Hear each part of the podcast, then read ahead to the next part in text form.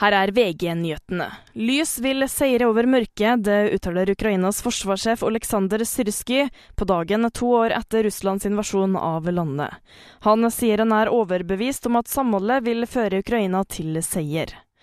Donald Trump lover tilhengerne sine at han skal slå utfordreren Nikki Haley i nominasjonsvalget i Sør-Carolina.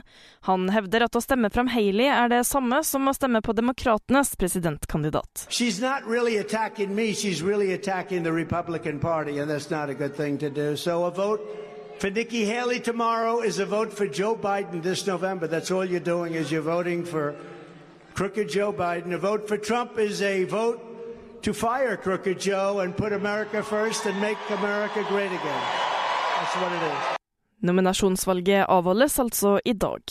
To av tre utrykninger på automatiske brannalarmer i Oslo var unødvendige i fjor. Brannvesenet rykket ut 10 000 ganger til unødige eller falske alarmer.